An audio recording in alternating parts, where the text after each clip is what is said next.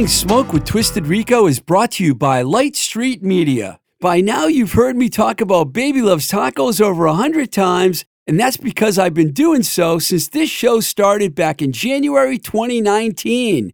Zach, Cat, Kaz, the Sandman, John Sandy, and the rest of the crew at Baby Loves Family are the real deal when it comes to good food. If you live anywhere near the Pittsburgh, PA area, visit their incredible shop at 4508 Liberty Avenue and check them out on Instagram at Baby Loves Tacos. Baby Loves Tacos, where everybody eats.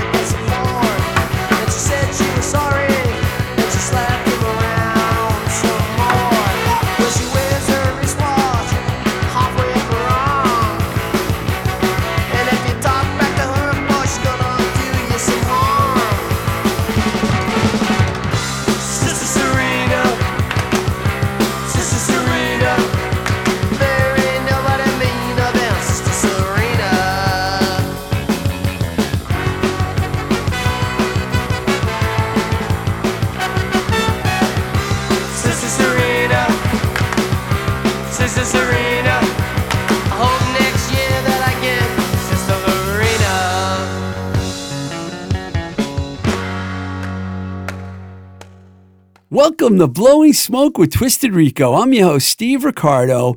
Boston rock royalty in the house today as we are joined by the Dogmatics. You just heard the track Sister Serena from the 1984 classic Thayer Street.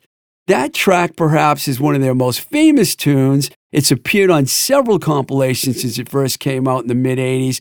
There was no better way to get us going than to play that track, and that's why we heard it. The Dogmatics formed in 1981 with twin brothers Paul and Pete O'Halloran, drummer Dan Shannon, and Jerry Lehane, the great Jerry Lehane. The O'Hallorans and Lehane grew up together, attended Catholic school in Dorchester, and I'm pretty sure there was a nun called Sister Serena at that very school.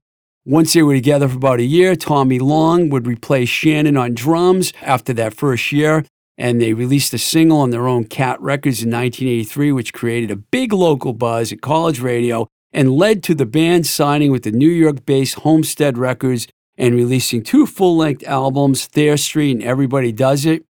Unfortunately for the band, tragedy then struck as bassist and leader Paul O'Halloran was killed in a motorcycle accident in 1986. So, following a much needed hiatus, the band would continue to play two or three times a year with the other O'Halloran brothers filling in here and there, Jimmy and Johnny. And then the band decided to record new material around 2018. and they they recruited uh, Jimmy full time on bass, and multi instrumentalist James Young also became a full time member. The band is now signed with Boston based label Rumbar Records. They released a bunch of well received EPs, including the fantastic Drop the Needle EP, which came out this year, as well as a collection of the band's older material. And here we are today. So uh, when I look back at the history of Boston garage and punk leaning bands from the 80s, the Dogmatics are right there with the best of them, whether it be the Outlets, Del Fuego, Scruffy the Cat, Titanics, you name it. There are a lot of good ones. It was an obvious honor and a pleasure to have the band here at Voice Motel today. So check out our conversation. It's a good one. All right. So we almost have the whole band here today. Tom's not here. The drum, you know, it's funny because I always have drummers on my show. It's weird not having the drummer here today, but, but, but everyone else is here. You guys want to all introduce yourself so people will know who's talking when they talk? Because we have four guys here today from the Dogmatics. It's awesome. I'm Jerry Lehane, guitar player, singer. I'm Pete Pete O'Halloran, guitar player. Jimmy O'Halloran, bass player. And James Young, uh, play mandolin and sing and stuff. Multi instrumentalist. Yeah. So, hey, I want to go all the way back to the beginning and talk about. Um, I understand that Paul, Peter, and Jerry, you guys met in a Catholic school in Dorchester. Can you tell me what your recollection of that whole scene was when you guys all met each other? I don't know, Peter or, or Jerry, whichever one wants to. yeah. So uh, we originally met. So the original bass player, my twin brother Paul, who was killed in 1986 in a motorcycle accident. So we started from the beginning. We were how old are you in the first grade? Six years old. Yeah. So we uh, we came together, and I can remember the first day of school, and uh, Jerry brought in a, like a Matchbox tow truck, and he's playing with it. And you know, we, this is our first introduction to nuns, and they like they, they yelled at him, and she made him throw it away in the waste paper basket. That's what they called it, the waste paper basket. And I can't believe it. Me and Paul were looking like, oh, that kid, he lost his, his, his truck. The nun made him throw it in the rubbish. Oh, that sucks.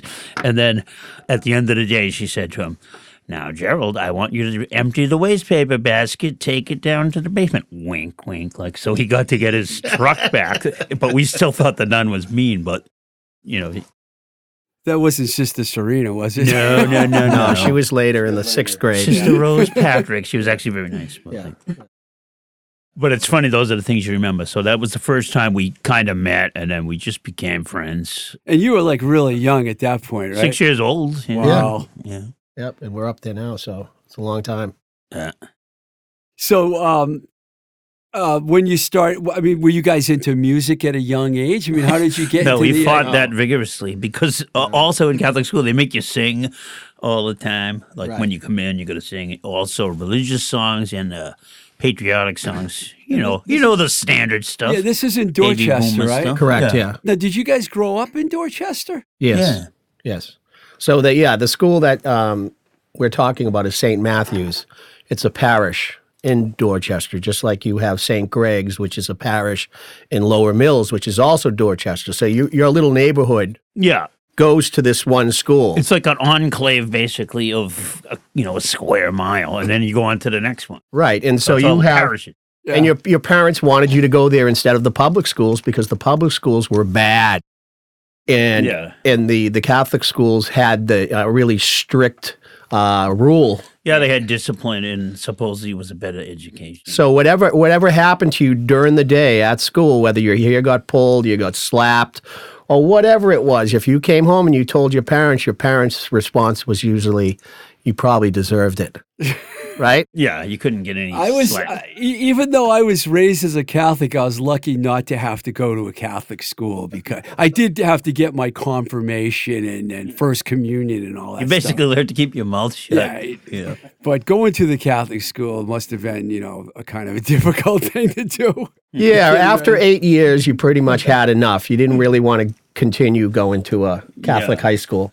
But but then one thing I did notice, like the stuff that I did learn, particularly like in from the sixth grade on, in Boston Public High School, I I already knew everything because I had already learned it in the sixth grade, basically. Yeah, so they were ahead of the ahead of Yeah. the game. You know, you were you were actually learning. They forced you to learn. Yeah. You know, so that was a good thing. So when did the first uh, li- version of the band get together? Like, how old were you guys when you started playing? So of course, like anything else, we we started digging the rock and roll, and of course, we um, what we were into. We used to go up to my other friend TK, this friend of mine who lived up the street from us. He was also our contemporary, and uh, we'd go up to his attic, and his like his brothers had electric guitars and all this stuff, and so we'd listen in and hear this and that, and gradually, when the brothers moved out, then he got that room as we got a little older. So we go up there and listen to like Humble Pie records, Nice. and, uh, anything we can get our hands on. Yep. You know, Zeppelin and all that. Deep stuff. You know, Purple. typical, yeah, Deep Purple. Yeah. And also, at the same time, influences uh, my older brother Jimmy here. So he, him being older, he had a car that had eight track cassette player in it, and we got to listen to you know Deep Purple, Made in Japan, Live at Leeds. live at Leeds all the good stuff you know so so naturally when you pick up a guitar you want to play like jimmy page or ritchie blackmore or, or steve marriott or one of those guys but I love Steve Marriott. oh yeah and, and matter of fact one of the things that did happen to us like later in life when we were on tour we played with his um his i think his last band we got to back him up in, Yeah, in, Cleveland, at Peabody's down under. Yeah, they were they were they were humble pie, but he was the only original member. yeah But he was. packet 03 or something he was calling Did you guys get to meet him? Oh yeah, kind of. Wow. And uh, what did he say? He said something funny. It was really funny. He was such a um, he was kind of a small guy. He was real you know? small. And I watched the I way think he he was made only his. five two because all the guys in the small. Oh, he's a little faces taller were- than that. But then he like he played his bar chords in such a weird way. Like it's hard to Well, he would- describe he would over take the his- radio. He would use radio this for the yeah. bar, maybe a small Yeah, piece, you know. yeah. So, but he was very effective. Obviously, you know, he was great. But it was really cool to meet him. I remember when we were going on, we played um. Can't stop loving. No, no, we did. No? We did some uh, R and B song because you know we're always doing whatever we had in our back pocket. No, it was uh, Money Honey. That's what it was. So we did, "Ah, ah, ah," you know, and he goes. so as we were coming off stage and he was going out, we sort of met him in the alley, and I'm like, "Hey, I did that song because you know you and stuff." And he goes, "Oh right, is anybody feeling hungry?" He says, like, like I'm trying to kiss his ass. I'm like, Yeah. "Fuck you." it was funny, though. But he did It was such- really yeah. awesome. and he was great. Yeah, he was amazing. Yeah, for sure. So getting back to the beginning of when you guys started playing out and stuff, it was around like eighty one. Yes. And uh, Dan Dan was the original drummer. He was only with you guys for like a year before Tom came on, right? Yeah, that, Yeah, yeah. that was Dan uh, Shannon. So uh, the evolution of all these different bands was, uh, like I said, our friend TK, Tom Keenan, was in a band with uh, Dan Shannon. Oh no, the original one was Joey Olson. He was the Dorchester guy, and uh, Paul. And then they had uh, who else? Um, Skag. Mike Scagliarini, the Plymouth collection, connection, when they uh, moved out of Boston, went to the South Shore, and uh, it, gets pretty, uh, you know, nitty gritty. But anyway, the different uh, versions of these bands, and Dan became their drummer, and then eventually, me, Jerry, and and Paul started playing together. Right. Dan was our drummer, and we just took it from there. And he was around for about a year, and then that's yeah, when we Tom- moved back to uh, Boston. Uh, we lived in loft in the South End, and he was a drummer for a while. But uh, he had all the fish to fry, so to speak. He's a commercial fisherman now, and he, uh, you know, he's got his own boat. They've been waiting to say that. hey, it just it just happened, you know. But uh, uh, yeah, but he he was a great drummer, real natural, and uh, so when he basically he he sort of had had to leave. He had one foot on the dock, the other on the boat, you know.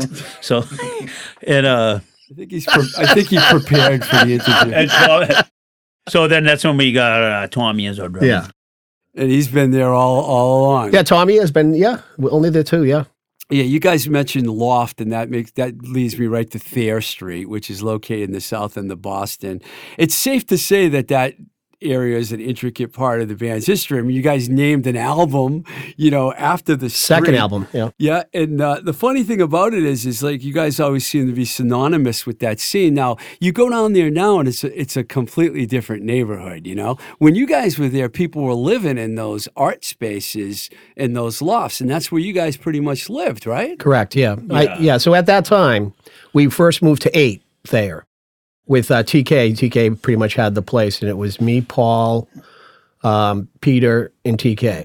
We were paying, I would say, somewhere in the vicinity of seventy-five dollars a piece rent. Wow. But it, you have to think about it in the times. It was, you know, serious urban blight going on in the South End. Everything was so It wasn't that glamorous crappy. back then. Yeah, back it was. then. It was just right around the corner from the Pine Street, and that's where there was only only life was there. And I think what happened in that whole block of buildings. In fact, it's called Reed's Block. If you see it from the uh, highway, Yeah. you can see the end of the building, and it, and it's part of the granite Reed's Block. Right. It was an entire city block and four stories, but I think there was a active printing press downstairs when we moved in, Yeah. and they'd shut the heat off uh, only uh, Monday through Friday with the heat on. So right around Sunday, it would start getting pretty damn cold in the wintertime there, you know, without any heat. And It was not- giant old windows and It's not unlike this place. It kind of is. it- industrial building. Voice Motel in Somerville, Massachusetts. Yes. where we are. Exactly. Exactly. So were there a lot of people, uh, like other younger people and bands and stuff, living in Thayer Street Yes. at that time? Um, no, eventually there were, but we, we were You were the first. we were like homesteaders, kinda. You know, there were a few people there. I would think Lizzie Borden and the Axes were there before. us. No, no. Really? What they did is they rented from other people that lived next door to us, so they'd show up once in a while. That's true. Okay. And They rented. them, and um, there was a band called Dish that was used Oh, to come in and out of there. They were great. Yeah, I They forgot about them. fun, Yeah, and um, yeah, but t- there were a couple of people from like the film industry who had uh, lofts at the time. Right. And uh, because when we moved in there, TK and the other fellow whose name is Lon, he had a space over there, and he helped us fix that place up. We're all like twenty, and we didn't really know how to do much shit. Right. But remember, we like built a few walls, and it just, uh, you know, made ourselves at home. Yeah, we we moved from eight to, to sixteen. So eight was smaller, fifteen hundred square feet.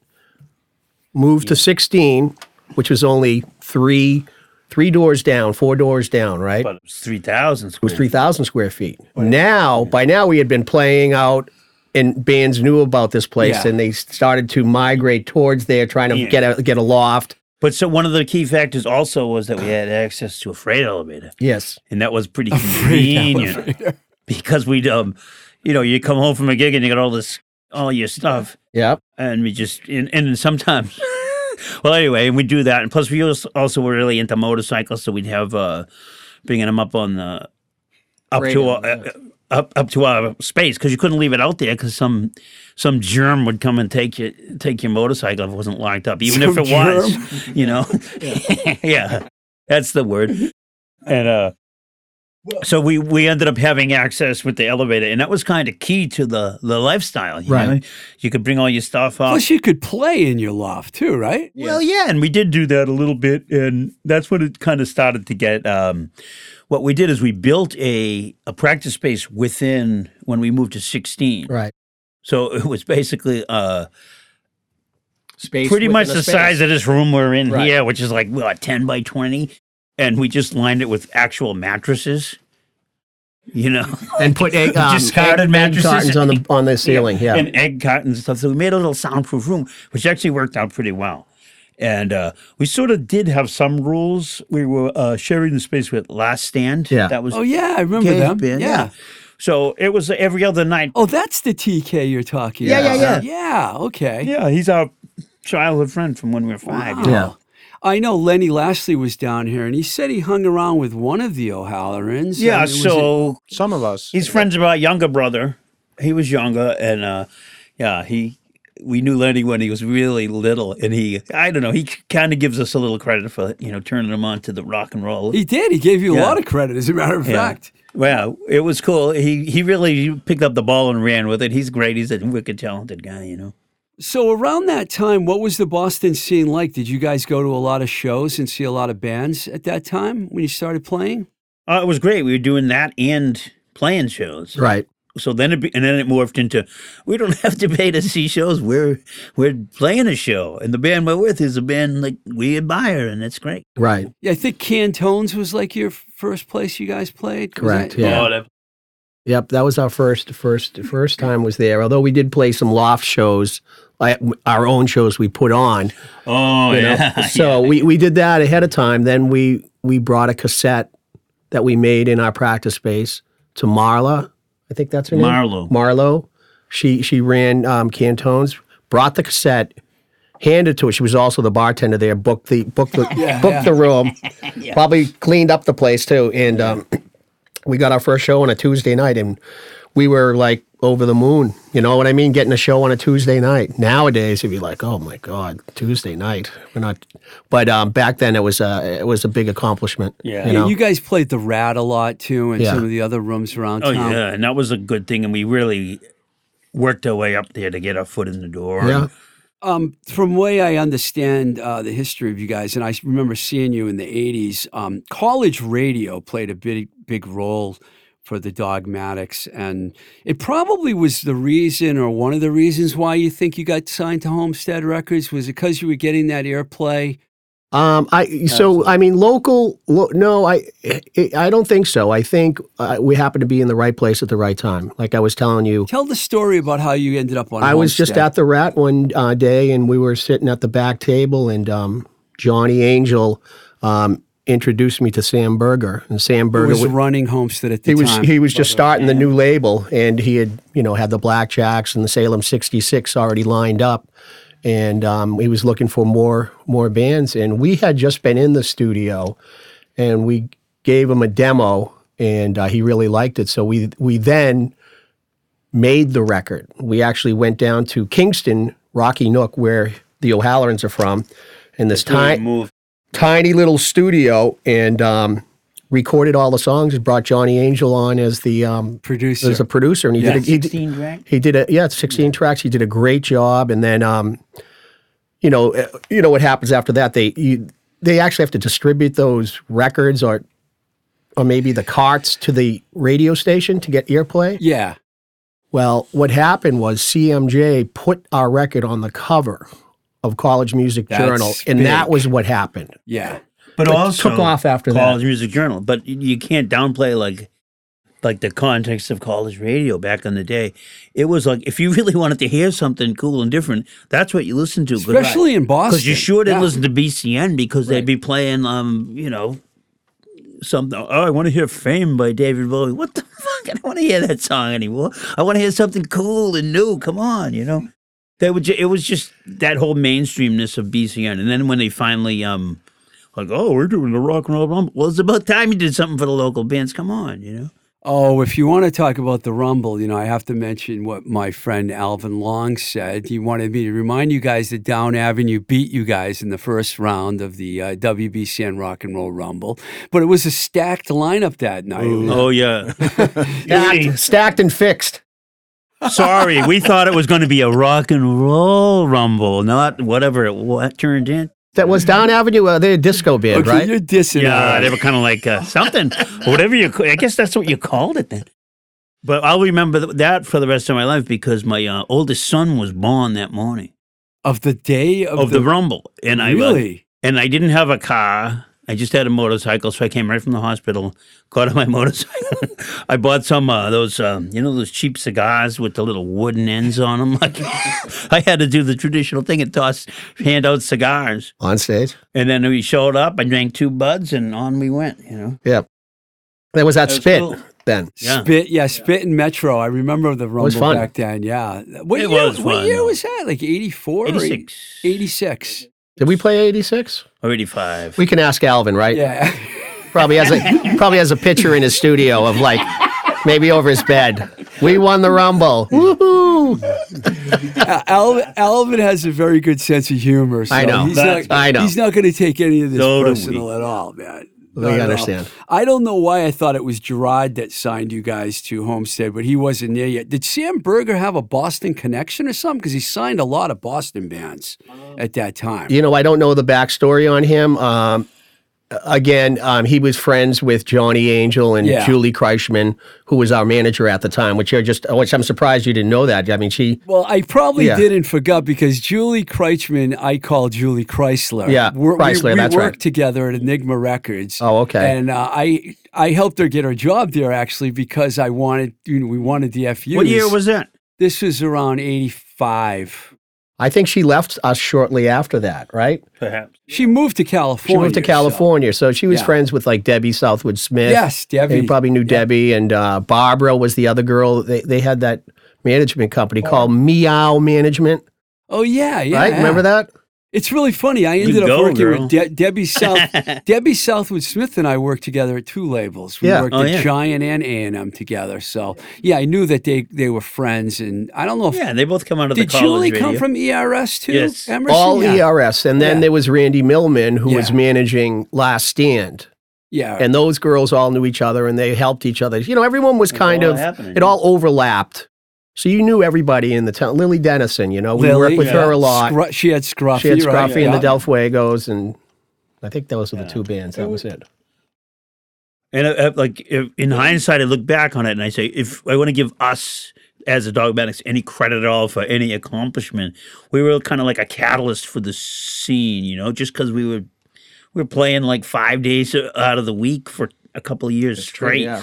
Playing here, you know, having fun and making friends and stuff like that. Yeah, you can't do that anymore. Yeah. When you guys did sign, you did go on the road a lot. Now, I I think you played a lot of shows with the Replacements and the Flesh Tones and who else? Because you went on a, a bunch of different tours. we played with uh, both of those guys. Well, yeah, we played with both of those guys, but not outside of town. The replacements here in Boston at the Rat. yeah, right. I think they even Flesh Tones, we played in Boston with them, but also in um, in DC at the 930 Club. So yeah. when you toured, did you just tour as alone, or did you ever open for bands? I know you said you played with Mary, Steve Marriott. Yeah, so when you go back to that CMJ thing, because we were on that cover of CMJ, Julie got us onto venture management.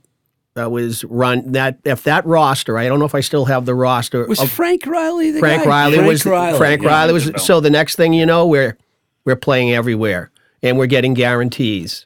So that's how we're able to tour. And most of the time we were the headliner, but we'd, you know, mix a show It might be Guadalcanal Diary, it might Oh, yeah. be Green or it would be the Flesh Tones. You, you don't know who you're playing with until you get to that town. And they were giving us money, you know, which was, you know, you used to play for the door. and it was usually enough to get to the next uh, Yeah, so you- city. All right, we have enough money to fill up the gas tank, have some food, go to the next one. And we were always relying on that next show. How much time would you say you spent out in the van? A lot. A lot of it, yeah. Well, if, we were thinking about it because um, this summer we did a, a sort of a mini tour. We went to uh, Minneapolis, St. Paul, and Milwaukee. But we were thinking, trying to think back on the day. We're like, we drove from like uh, like uh, where did we go?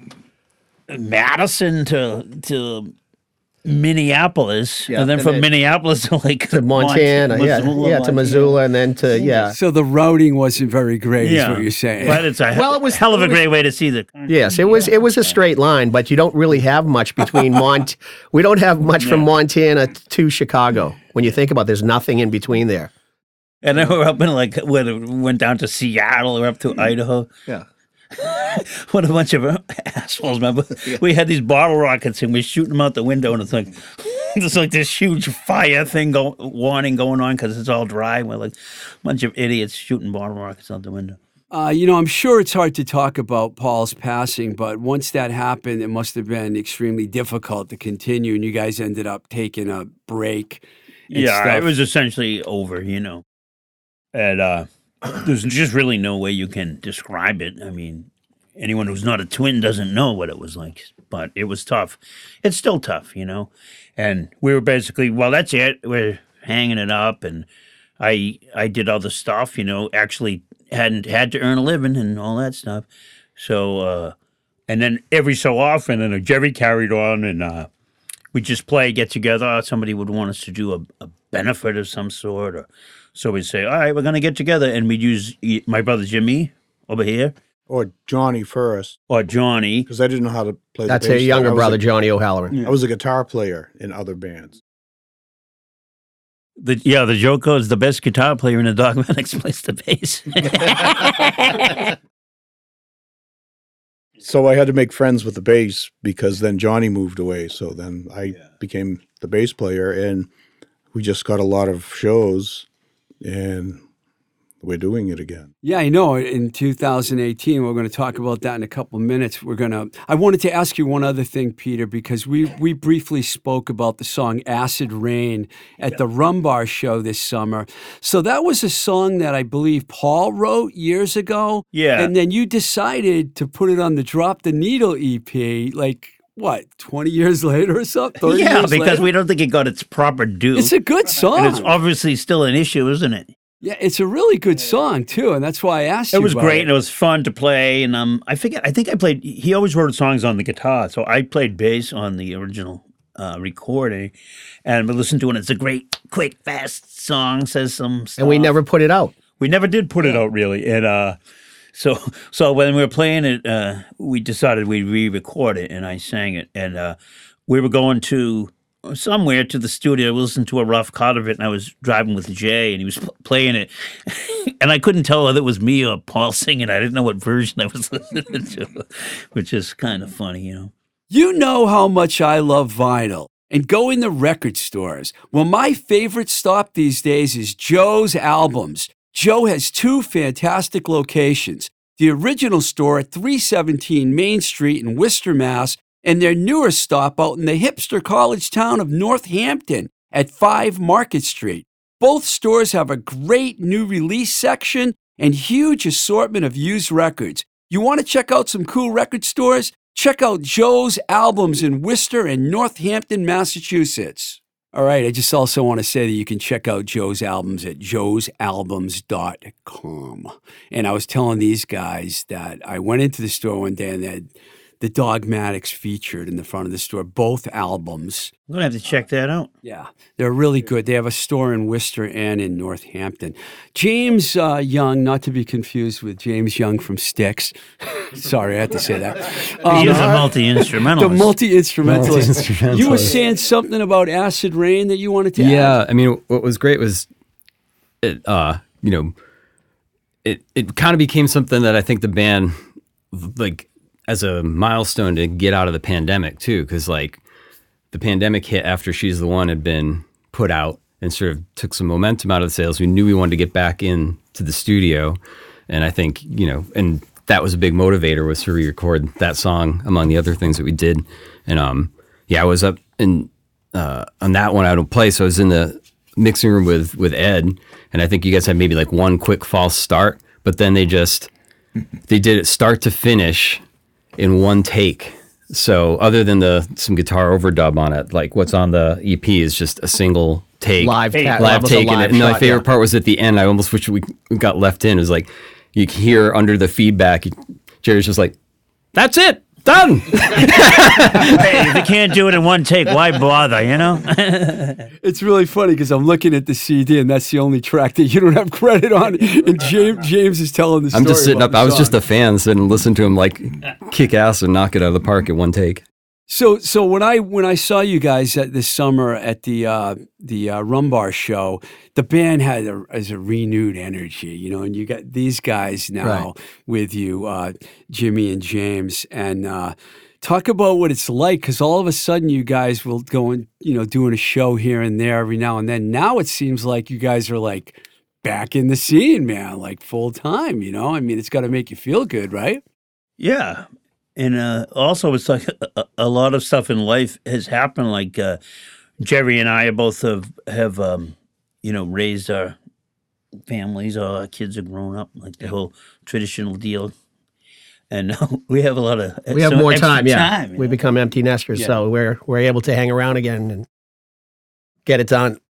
But it, it is a blast playing again, and and like you said, that's a good point to touch on a renewed en- energy. So that show, the Rumbar, that's the second year we've done it in a row, and their younger brother Johnny comes up and plays on that. But he doesn't play. Well, he switches off with bass and guitar. So we have three guitars going, And sometimes I think James even throws the guitar on, so we have four guitars going. It was like Judas Priest or Iron Maiden. Well, I'll say the. Outlaws. Maybe like the Outlaws, right? A guitar on me, but it's um, you can feel the energy on stage, and you kind of get lost almost. When you, that's when you know you're having a good show. When you you always respect the audience, but when you start getting lost in the music with each other, having fun, nothing can go you, wrong. you guys are Yeah, like nothing- the thing I admire about the Dogmatics. It's like a real family vibe, you know. Like when I called, you know, Jerry and I were talking about you guys coming on the show, and I'm like, well, you know, I don't know if we can handle more than like two or three people at a time in the studio. Jerry goes, "It's got to be all of us, or we're not doing it." Yeah. like, all right, And look, it's not all of us. even. well, we're missing Tom, Almost but you all. know, it's, it's close enough, you know. But um, the Rumbar thing, I wanted to talk to you about that because I really like Lou Lou a lot. Lou's a really great, Great guy. guy, yeah. How did you guys hook up with Lou and end up on Rumbar Records? Well, I had, um, you know, I would go to the mess around, which is, you know, Jay Allen and Justine and Tom Baker. They they have that thing where they have musicians play out of their comfort zone, you know, basically, right? Playing acoustically songs that they didn't write, and it's kind of fun, you know. Um, and I, kn- you know, when they were all on the same label, or they had all they were like, "You never met Lou before," and I got introduced to him there. And then he had talked to me about if we would ever be interested in releasing um, some new music or the old music. And I think I told him, I said, I'd You rather. did it all, right? I re- well, we eventually did, but the beginning, all of us. Did Tommy meet us then when we went met him at Foley's? You were very sick that day, yeah. right? Matter of fact, you know, you gave me some good advice. You, you instantly gave me a shot of whiskey, and you said that'll help you out. Yeah, I did. You were right; it did. So we yeah we sat down with Lou at um, at Foley's uh, the Foley's on Kingston Street. You've probably been there back in the day, yeah, and yeah, um, yeah. Matter of fact, that's where Jimmy got married not so long ago. Yep. you got That's where married. the reception He was. was- oh, the reception. You didn't get married inside. No, no. You got married at the Common. the common, yeah, yeah. yeah, Yeah. We went there afterwards. Oh, yeah. Sealed the deal. So, anyways, um, yeah. So he, w- you know, we made a, a great deal with him. Everything's really easy, Yeah. And um, the process is so much quicker. You know, we we we're in the studio. James does all our artwork now and lays it all out. So we got that covered. Oh, but we got to credit Barry for the uh, Barry, covers because Barry we reused some of the flyers. Hall. Barry Hall was our. Uh, he did our record design back in the day, and we reused some of his flyers. Flyers, yeah. So we got to give credit where credit's due. Like He's if you look at that one right there. Artist. Yeah, I, I want to know who gets credit for Audrey Hepburn for uh, you know being. Oh, Audrey does. Her parents. She was just in the right place at the right time for that picture. I know she, that was just that just happened to be laying on the uh, the coffee Yeah, that table was, in the uh, studio. next to We the just took a label. picture of it. Yeah. Like the back of a Popular Mechanics or By, something. by the way, for all future guests that are going to be on the Blowing Smoke with Twisted Rico uh, podcast, the Dogmatics did it right. They brought me swag. no swag, get the fuck out of my fucking. Hey, it's pay to play. You know how it works. man. We got the Coke and the booze over there for you. So you guys, that's that's back at Herb Alpert's uh, place in California. We were That is talking about true, it right. Um, no, no one's gonna get that. But um, so you guys, you guys must be friends. I think you guys are friends with some of the other bands on Rumbar too, because you guys all seem like you're all like buddies at that show, the Gypsy Moths, and uh, of course Oh, yeah. you know Lee. You probably know Lee Harrington forever. Yeah. Stop calling me Frank. or we Shanghai go way Lows. back Yep, with those yep. Yeah.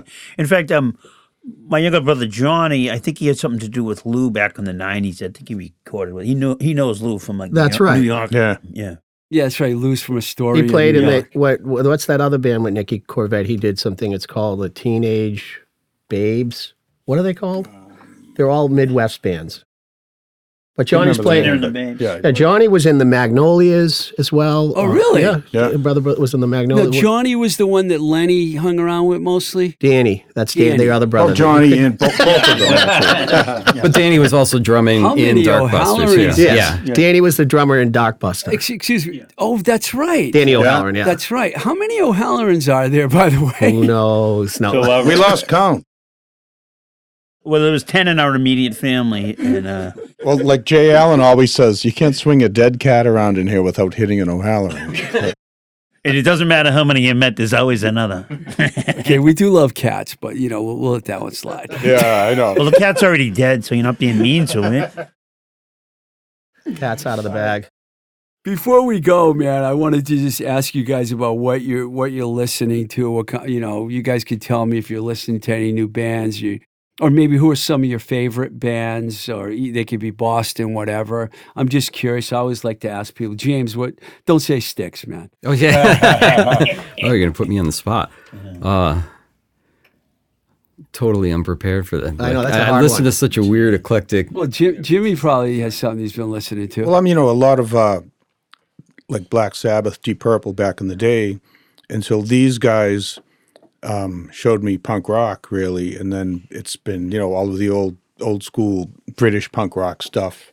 Um, you know, when other younger bands are carrying that torch as well. I just saw the uh, the uh, Psychophonics last oh yeah, they're week. popular right now. Oh my God, Yeah. they, they were so great. Nice, nice folks too.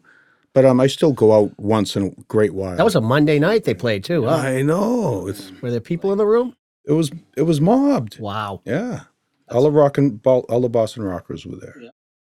What about you, Peter? Man, you listen to any new music, or you listen to old stuff? Uh, yeah, I'm kind of a. I, I try to try to be current, but I'm not really. I mean, I listened to the Ramones the other day on the, that horrible Spotify thing with all the commercials.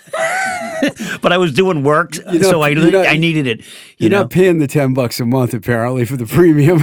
Right, exactly. So Too anyway, much. And then um, I, I with the recently when I saw uh, Bloodshot Bill and the Black Lips, we went to see that show. That was really cool. Love those guys. And uh, what I do is like I I still love college radio. And I can I give somebody a plug here? Absolutely. So I listen to WMBR and came. Great station. And every Saturday morning, we're- we're missing it right now. I think is uh, there's a show called Backwoods, and it's a DJ who calls himself John Funky. He's famous. He's been on a Oh, yeah. long time. So I have an upright bass at home. I'm trying to Oh god. trying to school myself on that. So I I I stream that and I crank it up and I try to keep up on the bass and it's fun, you know. Do you have an upright bass too? Because I remember seeing a photo with you two guys, and you were playing the upright bass. It's that it's the one. It's the Yeah, same it one. lives at Peter's house, and It I all had- depends. Whoever whoever's on the uh, has to have it at their house. It's like a penance, you know. yeah, it's a terrible thing. I'm Just to, trying to imagine the Dogmatics playing a live show with an up with a with a, with a bump. maybe maybe in a couple of weeks. I don't know. Well, well, the deal is that it, it used to belong to my brother Paul. He, matter of fact, it's funny the history of it. He It's that. It's been around for Oh, a while. So he, you know the want ads that used to be around pre-internet. It was like a thing where you would. It was like Craigslist, only a magazine. It would come out every week. Right, right. So he's like, I want to buy an upright bass. He got one of those things. He found one for two hundred fifty bucks. He bought it off the guy that was in the band uh, One Four Five, which is a Yeah, yeah, seminal yeah. old Boston Yeah, band. And it was such a piece of shit. It was like it needed so much work. So I can recall we built we we got it going. It was all set, and we had to play at my aunt's house. We are playing like you know Clancy Brothers and Pogues covers at my aunt's house on St. Patty's Day, and we was walking with it on his shoulder like a mile in in like freezing cold March weather. By the time we got it in the house, like the whole neck just like delit, it just broke right off. So it's like back to the drawing board. So year after year, it's been in, in a state of disrepair. But finally, we got it. Disrepair. Yeah, uh, nailed and, and it's playable, and we we drag it around when we do the hired men stuff. Right. You know, That's and, uh, cool. yeah, so we keep it Continuing the busking and the coal tradition. That one time we were at some club in, New Haven. in New Haven and everyone went out for the smoke break. So Peter dragged the bass out and I think I had the mando and we were out in freezing cold You were busking. doing the yeah. cover song of Smoke That Cigarette, taunting these kids. Yeah, well, all the smokers are outside in the freezing cold. We're we're playing Like, you're the idiots for playing Yeah, who's the idiot? here? freezing cold. What about you, Jerry? What are you listening Oh, to? thanks, these Pete. days? Oh, okay. I thought I was going to get out. You're just like, Maybe I can get a job around. yeah. Um, you know, I, I still stick with the, the same stuff that I used to listen to. So, you know, I love Nick Knoll, Nick, Nick, Nick I won't say Lick Knoll, Nick Lowe. Nick I love Lowe. Rock Pile. I Oh, yeah, like yeah. all the uh, the straight ahead kind of rock. I and then for local bands, I was a huge Lyres fan. Neats, Oh, yeah. um, Barrence Whitfield Ruffy. you know, and um, you know, so even the outlets back in the day, and like Peter said earlier, you know, we used to go to see the outlets. So we'd go see Barrence. And then the next thing you know, you're sharing the stage with these bands. And that was always like, Yeah.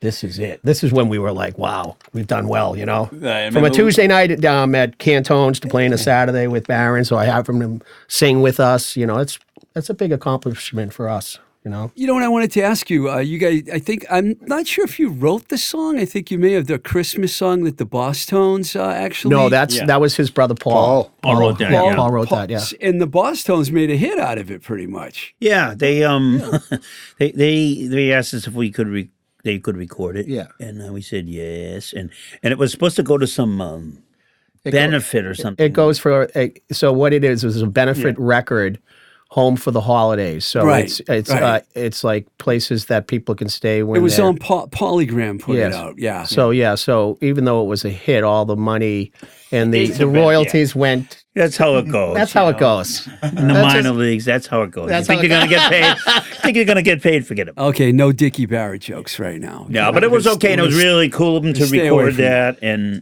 you know, I think our version was a little bit better, but you know, I think I do too. Yeah. But the Bosstones had us on stage with them at the Throwdown a few years in a row, singing it with them. So that, that was Oh, pretty that's cool. Yeah, that was yeah, that was yeah, yeah. They've always been uh, very good. You know, they were. You know, the funny thing about it is they they were a band that would open up for us back in the day. They were the Boston's. Tones, or the or the cheapskates. That's right. and they also so Dickie also lived on Thayer Street. He took over our loft when we moved to uh, eighteen. Uh, yeah, to 16. 16, yeah. 16. No, Billy did. Was it- his yeah. brother? Yeah, was in chain link fence was the beard. Oh yeah, Uh, they remember moved them. in our old spot with the prime movers. It's funny. Th- th- it's funny we're talking about living at Thayer Street. Now it probably costs like four thousand dollars to Yeah. live in. I mean, of we- Oh, more. We could spend this whole More. interview talking about that place and the, the humorous stuff and the Oh God, I know. Yeah, exactly. Well, I I appreciate you guys coming down here today. I mean, Thanks James, did us, you want to like add something before we we let, we got off here? Yeah, James, you know, there's something we just finished doing a uh, documentary, right, Jay? You want to talk Oh, about yeah, Sure, it? talk, talk Yeah, about the so- documentary. Yeah. So the uh, yeah, it just wrapped up. Um, so it, I think it started almost like a passion project with one of the uh, Halloran nieces, Jada, who had been like you know for how many years now, sort of being the archivist for the band, uh, and then uh, that intersected with a friend of, of everybody's, uh, Rudy Childs, and Yeah, who's actually a documentary Yeah. filmmaker. And, and, and concert photographer, longtime fan of the band. Um, so they started working on it, uh, this documentary, and then again, pandemic came in and took some wind out of the sails, and then we were able to sort of like regroup it and re-energize the effort because it was about seventy five percent there, and just literally yesterday it got wrapped up, and he, uh, submitted it to a bunch of film festivals all over the place, local and global. Uh, so the hope is that you know early next year that'll show up somehow somewhere that people can check it out, and it's got uh, some amazing archival footage from the loft, from past performances, Oh, from the other nice. bands, Yeah. interviews with a lot of the people who we were talking about today, from Dan and Barry and all these uh, other great people, and it's you know some amazing footage that people probably never saw of the band and Paul, uh, and I think it's really sort of a tribute to to Paul's memory, and it's just a nice intimate story, kind of about the band. It'd be a great follow up to this interview, actually. Yeah. So Yeah. you'd be able to know all the players. Yeah. well, thank you guys, and I hope you guys keep playing, man. Seriously, because it's good for Boston Rock to have you guys around, and and I know you guys always write me about the show and stuff. A couple of you guys do, Yeah. and I appreciate that, man. Thank you for listening, and thanks for coming down today. All right, Thank thanks you. for doing Thank what you. you do. Thank you. Thank you. All right, guys. Hello, ladies and gentlemen. Let me introduce you to Spectacle, the ultimate eyewear experience. Located in Boston's historic South End neighborhood, Spectacle offers four season style service at Red Roof Inn prices. Join proprietor Paul Fox, the rock star himself, as he guides you through a carefully curated collection of logo free frames, all at under prices. Visit Spectacle, the ultimate eyewear experience.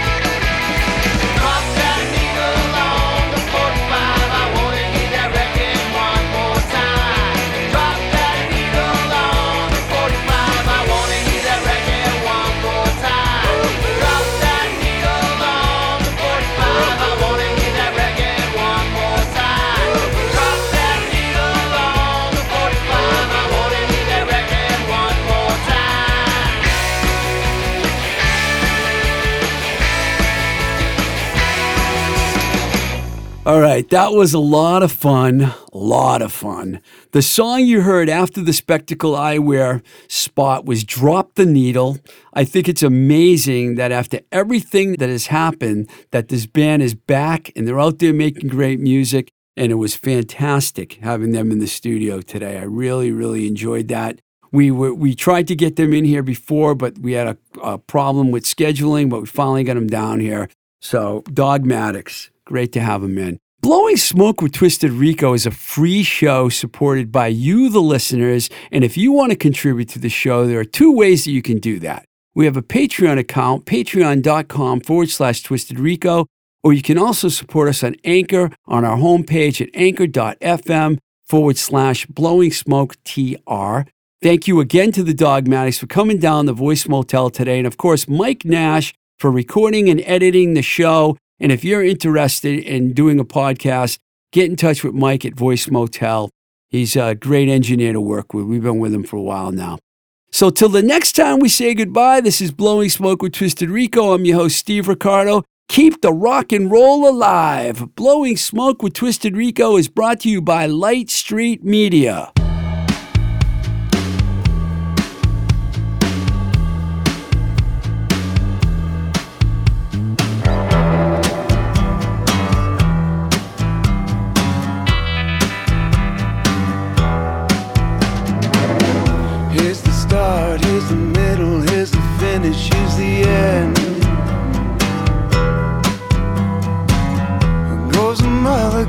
Father, goes the wife, stays the friend. Got a bunch of cigarette burns in the back of my head. Bunch of cigarette burns in the words I've said. If I die tonight, hold the hand inside and know that I was never meant for a normal life. Voice is recorded at Voice Motel, voicemotel.com, your complete podcast recording experience. Located in Union Square, Somerville, Massachusetts. Ta da!